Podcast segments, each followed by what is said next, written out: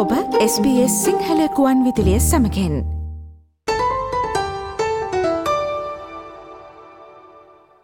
මේ විශ්වය තුළ මන්දාකිනි බිලියන ගණන් තිබෙනවා. අපේ මන්දාකිනිය වන ශීරපතය තුළ ග්‍රහලෝක බිලියන ගණන් තිබෙනවා. හැබැයි අපට ජීවත් වෙන්න තියෙන්නේ එකම එක ග්‍රහලෝකයක් පමණයි. ඒ තමයි අපේ මේ පෘතුවිය. Only One Earth කියන තේමාවෙන් තමයි දෙදහස් විසි දෙක වසරේ ලෝක පරිසර දිනය එළමෙන ජුනි පස්වනි දට සමරනු ලබන්නේ.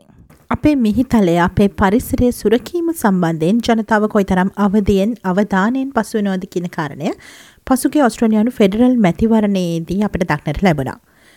ඔබට මතක ඇති දේශගුණික විපර්යාස සම්බන්ධ ප්‍රතිපත්ති කියන මාතෘකාව මැතිවරණ වේදිකාව උණුසුම් කළ හැටි. ලේබ ග්‍රීන්ස් පක්ෂවල සහ ලිබරල් සන්ධානයේ දේශගුණික විපර්යාස සම්බන්ධ ප්‍රතිපත්ති ඔස්ට්‍රලයන්ු චන්දදායකයෙන් විසින් විශේෂයෙන්ම පළමුුවර චන්දදායකයෙන් විසින් සිය මැතිවරණ තීන්දුවේ ප්‍රධාන සාධකය බවට පත්කරගනු ලැබවා.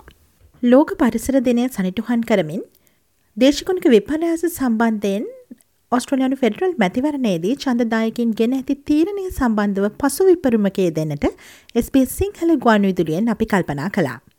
ඉතින් ඒ සඳහා විධ ප්‍රාන්ත හා ටෙරිටරිවල් සිට ඔස්ට්‍රලියාව වෙසෙන ශ්‍රී ලාංකික ප්‍රජාවේ කිහිපදනෙකු අප සම්බන්ධ කරගනු ලැබවා නව ආණ්ඩුවේ සහ ග්‍රීන්ස් පක්ෂයේ දේශගුණික විපරයාස පිළිබඳ ප්‍රතිපත්ති පසුකි මැතිවරණයේදී චඳදායකින් විසින් පිළිගැනීමට හේතු සහ ලිබරල් සන්ධානයේ දේශගුණික විපර්යාස පිළිබඳ ප්‍රතිපත්ති ප්‍රතික්ෂේපවීමට හේතු මොනවාද යන්න අපි ඔවුන්ගෙන් විමසා සිටිය.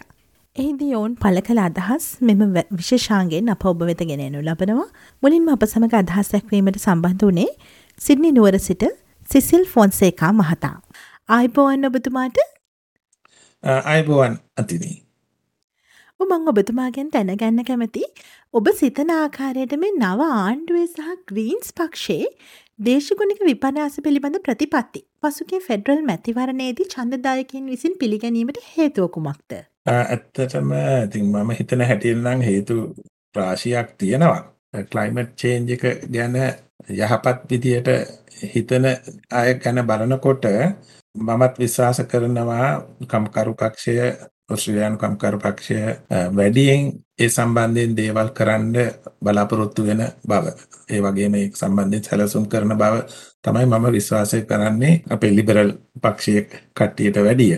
දැන් උදාහරණයක් වශයෙන් ගත්තොත් දැන් 2050 දී මේගොල්ලෝ ඔක්කොම මේ කාබන් සම්පූර්ණයෙන්ම නවත්තන්න යනවායි කියලා කියන්නේ ඕස්ට්‍රේලියාවේ. එතකොට 2030 වෙනකොට කම්කරු පක්ෂයේ කට්ටිය 143ක් වගේ තමයි මට මතක. ඒ වගේ ගානකින් අඩු කරන්න බලාපොරොත්තු වෙනවා. නමුත් ලිබරල් කට්ටිය අඩු කරන්න බලාපොරොත්තු වෙන්නේ 130කටත් අඩුවෙන් වගේ ගානක්. එතකොට අරගොල්ලෝ මේ කාරණේ ගැන වැඩි උනන්දුවක් දක්වන බව ඒකෙන්ම පේන්න තියෙනවා. ඒ වගේම ඉලෙක්ට්‍රිකල් කාස් සම්බන්ධිනුත් මට එහෙම මෙහෙම දේවල් ඇහෙන්නේ මේ කම්කරු පක්ෂයෙන් තමයි. අනිත් පැත්තෙන් එච්චර ඒ ගැන මට නම් කමයි කන්නට එහෙම දෙයක් වැටුන්නේ නැහැ. ඉතින් මට හිතෙනවා ඔන්න ඔයගේ හේතු තමයි සිද්ධ වුණේ කියලා පරිසරය සම්බන්ධයෙන් තීරණයක් ගත්තා නම් ඕස්ට්‍රේලියානු ජනතාව ඔන්න ඔයගේ කරුණු සලකා බලන්න ඇති කියලා. මොකද මාත් සලකා බැලුවා ඔය වගේ කරුණු. ඔව් මම ඔබතුමාගෙන් ඇහුවත් එහෙම මේ ඡන්දදායකින් ලිබරල් සන්ධානයේ ප්‍රතිපත්තිය ප්‍රතික්ෂේප කිරීමට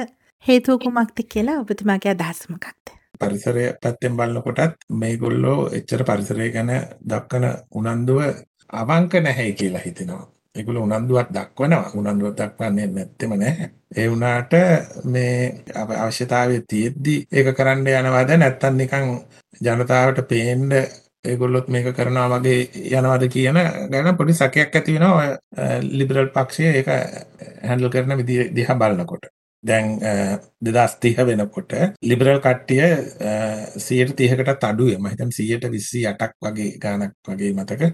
ඒ ප්‍රමාණයෙන් තමයි මේගොල්ලෝ කාබන් අඩු කරන්න යන්නේ. නමුත් කම්කර පක්ෂය සියයට හතලියකටත් යන හතලිස් තුනක් මට මතක හැටියට එච්චර ප්‍රමාණයක ඊට වඩා ලොකු උනන්දුවක් ලොකු කැපවීමක් ඒකට කරනවා. ඉතින් මේගොල්ලෝ අඩුවෙන් කරන්නේ මේ මේ අඩුවෙන් කරන්න හේතුවත් මේගොල්ලෝ ටිකක් ඉතින් අහුම්කම් දෙන්නේ ගොඩක් සල්ලි තියෙන කර්මාන්ත ශාලා විශ්ශාල කර්මාන්ත ශාලා ව්‍යාපාර තියෙන පරිසරය දූෂණය කරලා හරි ලාභ උපය ගන්න වැඩි උනන්දුවක් දක්වන කට්ටියත් එක්කනේ මේ යාළුකම් වැඩි. මේ ලිබරල් පාර්ටි එකේ එහෙමනේ තියෙන්නේ. ඉතින් ඒ හින්දා ඒගොල්ලෝ වැඩිපුර උනන්දුවක් දක්වනවා ආර්ථිකය ප්‍රොෆිට්ස් ගැන. ඒ කියන්නේ ලාභ උපයා ගැනීම ආර්ථික වශයෙන් තරඟකාරීත්වය පවත්වා ගැනීම වගේ දේවල් වලට උනන්දුව වැඩි පරිසරය ගැන තියෙන උනන්දුව අඩුයි. පරිසරය ගැන උනන්දුව පෙන්වන්න හදන්නේ නිකන් පෙන්වන්න හදනවා. ඒගොල්ලොත් උනන්දුයි වගේ. නමුත් ඒගොල්ලෝගේ හිතේ හાર્ට් එකේ හදවතේ තියෙන්නේ අනිත් පැත්ත. දැන් කම්කරු පක්ෂයේ කට්ටිය ඒගොල්ලෝ ඒගොල්ලොත් ඉතින් වෘත්තීය සමිති පැත්තෙන් ඒගොල්ලෝ වැඩිපුර ඉන්නේ. ඉතින් ඒගොල්ලෝ වැඩ කරන කට්ටිය ගැන තමයි වැඩි උනන්දුවක් දක්වන්නේ. එහෙම නැත්නම් පෙන්නගෙන ඉන්නෙත් එහෙම තමයි. ඉතින් ඒ අතින් බලනකොට ලිබරල් පක්ෂයේ අයව ප්‍රතික්ෂේප කරන්න ওই වගේ කරුණු බලපා බලපාන්න ඇති කියලා මට හිතෙනවා. ඒ වගේම මේ මේ විශේෂයෙන් පරිසරය දූෂණය නවත්තන එක සම්බන්ධයෙන් ඔස්ට්‍රේලියාවේ මොන වගේ කන්ට්‍රිබියුෂන් එකක්ද දෙන්න ඕනේ කියන කාරණේදී ඒ පණිවිඩය වඩා හොඳට සෙල් කරා වඩා හොඳට පැහැදිලි කරා ජනතාවට ලේබර් එකේ කට්ටිය.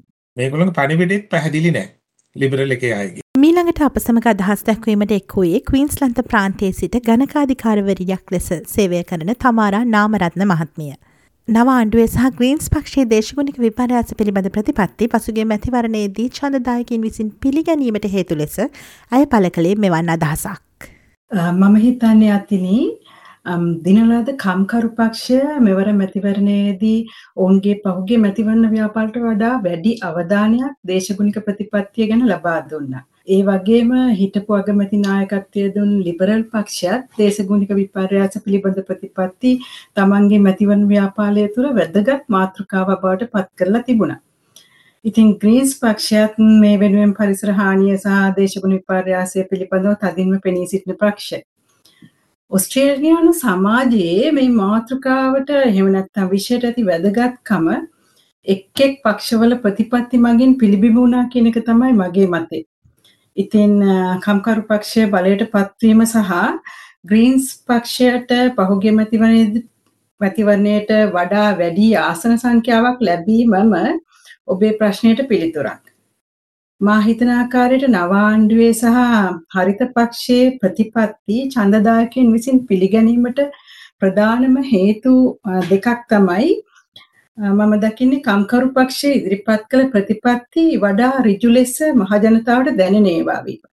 ඒ කියන්නේ මහජනතාවට මේ ලේබර් පාර්ටි එකෙන් දෙනවා කියන විදුලි කාර් වලට දෙන ටැක්ස් බදු සහන වගේ දේවල් ඒ වගේම අනිත් කාරණය තමයි මම දකින්නේ පරාජයනු ලිබරල් පක්ෂය පහුගිය වකවානුවේදී රජයක් හැටියට කාලෝගනික විපර්යාස පිළිබඳ වැඩ කළ ප්‍රමාණය මදි බව ජනතාවගේ ඇති පිළිගැනීම.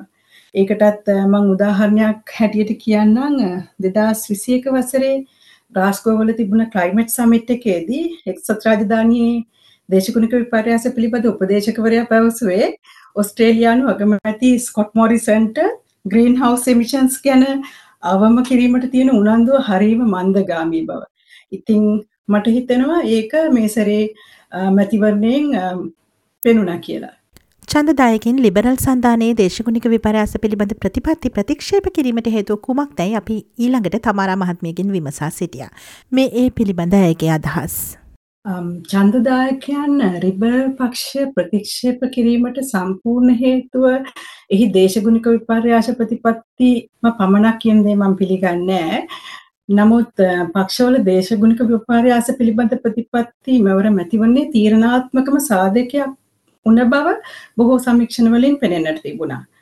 මෙතනදී ලිබරල් පක්ෂයේ බදු නොව තාක්ෂණය කියන ප්‍රතිපත්තිය සාමාන්‍ය ජනතාවට කෙලින්ම දැනෙන නැත්නම් ගණනය කළ හැකි වාසියක් පෙනුනේ නෑ කියන එක එකයි මගේ මතේ.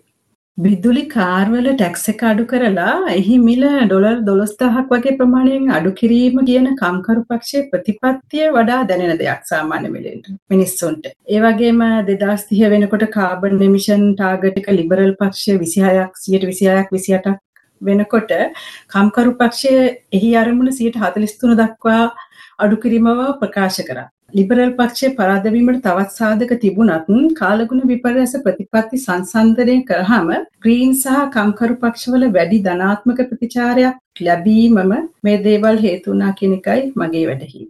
ස්තුතියි අතිනී. අවසාන වශයෙන් අදහස් දැක්වීමට දේශගුණික විපරෑස ඇතුළු පාරිසරික කායික විද්‍යාව පිළිබඳ පශ්චත් උපාතිධාරී ක්ෂේත්‍රයේ පර්යේෂණ විද්‍යාඥයෙක් වන ආචාර්ය කිත්සිරි දසනායක මහතා අප සමග සම්බන්ධ වුණා. නව ආණ්ඩුවේ සහ ග්‍රීන්ස් පක්ෂයේ දේශගුණික විපරයාස පිළිබඳ ප්‍රතිපත්ති පසුගේ මැතිවරණයේදී චන්දදායකින් විසින් පිළිගැනීමට හේතුත් ඒවගේම ලිබරල් සන්ධානයේ දේශගුණික විපරයාස පිළිබඳ ප්‍රතිපත්ති චන්දදායකින් විසින් ප්‍රතික්ෂේප කිරීමට හේතු මොනවාද යන්න අපි ඔහුගෙන් විමසා සිටියා ඔහු සංසන්ධනාත්මක අයුරින් අදහස් දැක්වේ මේ ආකාරයටයි. දැන් සාමාන්‍යයෙන් ජනතාවගේ දේශපාලන තීන්දුව ගැනීම සාමාන්‍ය සංකීර්ණයි. නමුත් පසුගිය පාර්ලිමේන්තු මහමැතිවරණින් මහ ජනතාවගේ ඵලය ප්‍රතිචාරයක් වශයෙන් ප්‍රතිචාරය හරිම පැහැදිලි. එහි ප්‍රතිඵල තීරණාත්මක සාධක ගන්නවා තියෙන වඩාත්ම ප්‍රතිඵල බලපෑම් කාරණේ තමයි මේ බුදුමින් සඳහන් කර ආකාරයට දේශගුණික වෙනස් වීම නිසා ඇතිවන බලපෑම කොහොමද කොහොමද ඒකට ප්‍රතිචාරය දක්වන්නේ කියන්නේ. හැබැයි මේ ප්‍රතිඵල වලින් දෙන දේට වඩා මේ දකින්න පුළුවන් ආත්ම තීරණාත්මක සාධකය තමයි මේ මේ කාලවිනික විපර්යාස වලට තීරණ මේ දැන් ගත යුතුයි කියන මතය තමයි පොදු ඉඳලා තියෙන්නේ. මේ අනුව ඒක බේස් කරගෙන තමයි ශ්‍රීලංක ජනතාව මේ මැතිවරණයේදී මේ ඡන්දය ප්‍රකාශ කරලා තියෙන්නේ. ප්‍රධාන දේශපාලන පක්ෂ තුනක් අතර වශයෙන් අපිට පේන්න තියෙනවා ඒ තුනේ මොකද මේ කාලවිනික විපර්යාස වලට ඒ කට්ටියගේ ප්‍රතිපත්තිමය තීරණ ප්‍රතිපත්තිමය ක්‍රියාමාර්ග මොනක්සින් වෙනස් වෙනවා. උදාහරණයක් වශයෙන් ගත්තොත් එහෙම මේ කොහොමද මේ කාබන් ඩයොක්සයිඩ් ග්‍රීන්හවුස් ගෑසස් කොහොමද ටාගට්ස් ටාගට්ස් ගත්තාම 2000 ලිබරල් පාර්ටි එකේ ලිබරල් පක්ෂයේ ටාගට් එක තමයි 2030 වෙනකොට 100ට 26ක් 28ක් අතර ප්‍රමාණයක් දක්වාඩු කරනවා කියන එක.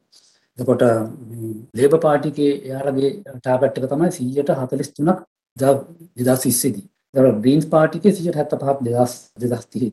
මේ ටාගට් අතර ලොකු වෙනසක් තියෙනවා. ඊළඟට net zero emissions කොයි කාලේ එනකොටද මොනවද අඩු කරන්න කියන එක. ප්‍රධාන ප්‍රධාන දේශපාලන පක්ෂ දෙකේ තමයි යාළගේ net zero emissions 2050 දී නමුත් ග්‍රීන්ස් පාර්ටි එකේ යාළගේ ටාගට් එක 2035. මෙයාගේ ලොකු පරතරයක් වෙනස් වෙනවා. ඊළඟට කොහොමද මේ ගල් ලඟුරු සම්බන්ධයෙන් යාළ ගන්න තීරණ කොහොමද? ඊළඟට තවත් වැදගත්ම එකක් තමයි මේ නර්ජනීය බල ශක්තිය කොහොමද ඉදිරිපත් කරන්න කියන එක.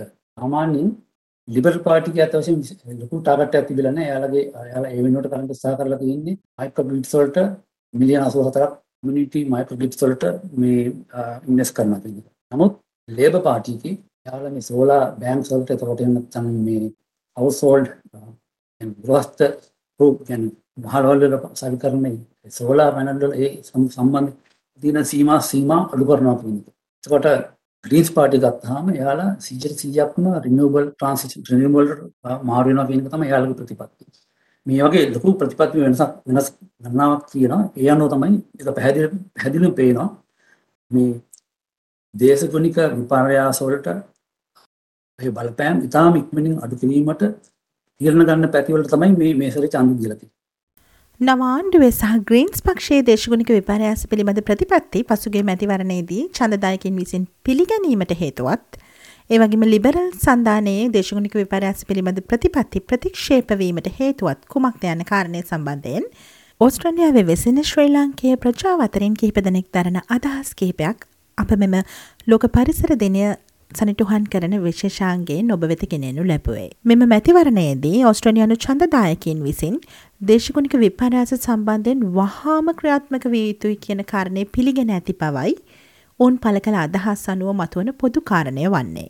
SBS සිංහල ගුවන් විදුලි වැඩසටහන සමගින් අදහස් දැක්වීමට සිද්නි නුවර සිට සම්බන්ධ වුණු ආචාර්ය සිසිල් ෆොන්සේකා මහතාටත් ක්වීන්ස්ටන්තේ සිට අප සමග සම්බන්ධ වුණු තමාරා නාමරත්න මහත්මියටත් ඒ වගේම මෙල්බැන් සිට අප සමග සම්බඳනු ආචාර කිත්සිරි දසනායක මහතාටත් බෙහෙවින් ස්තුතිවන්ත වනවා.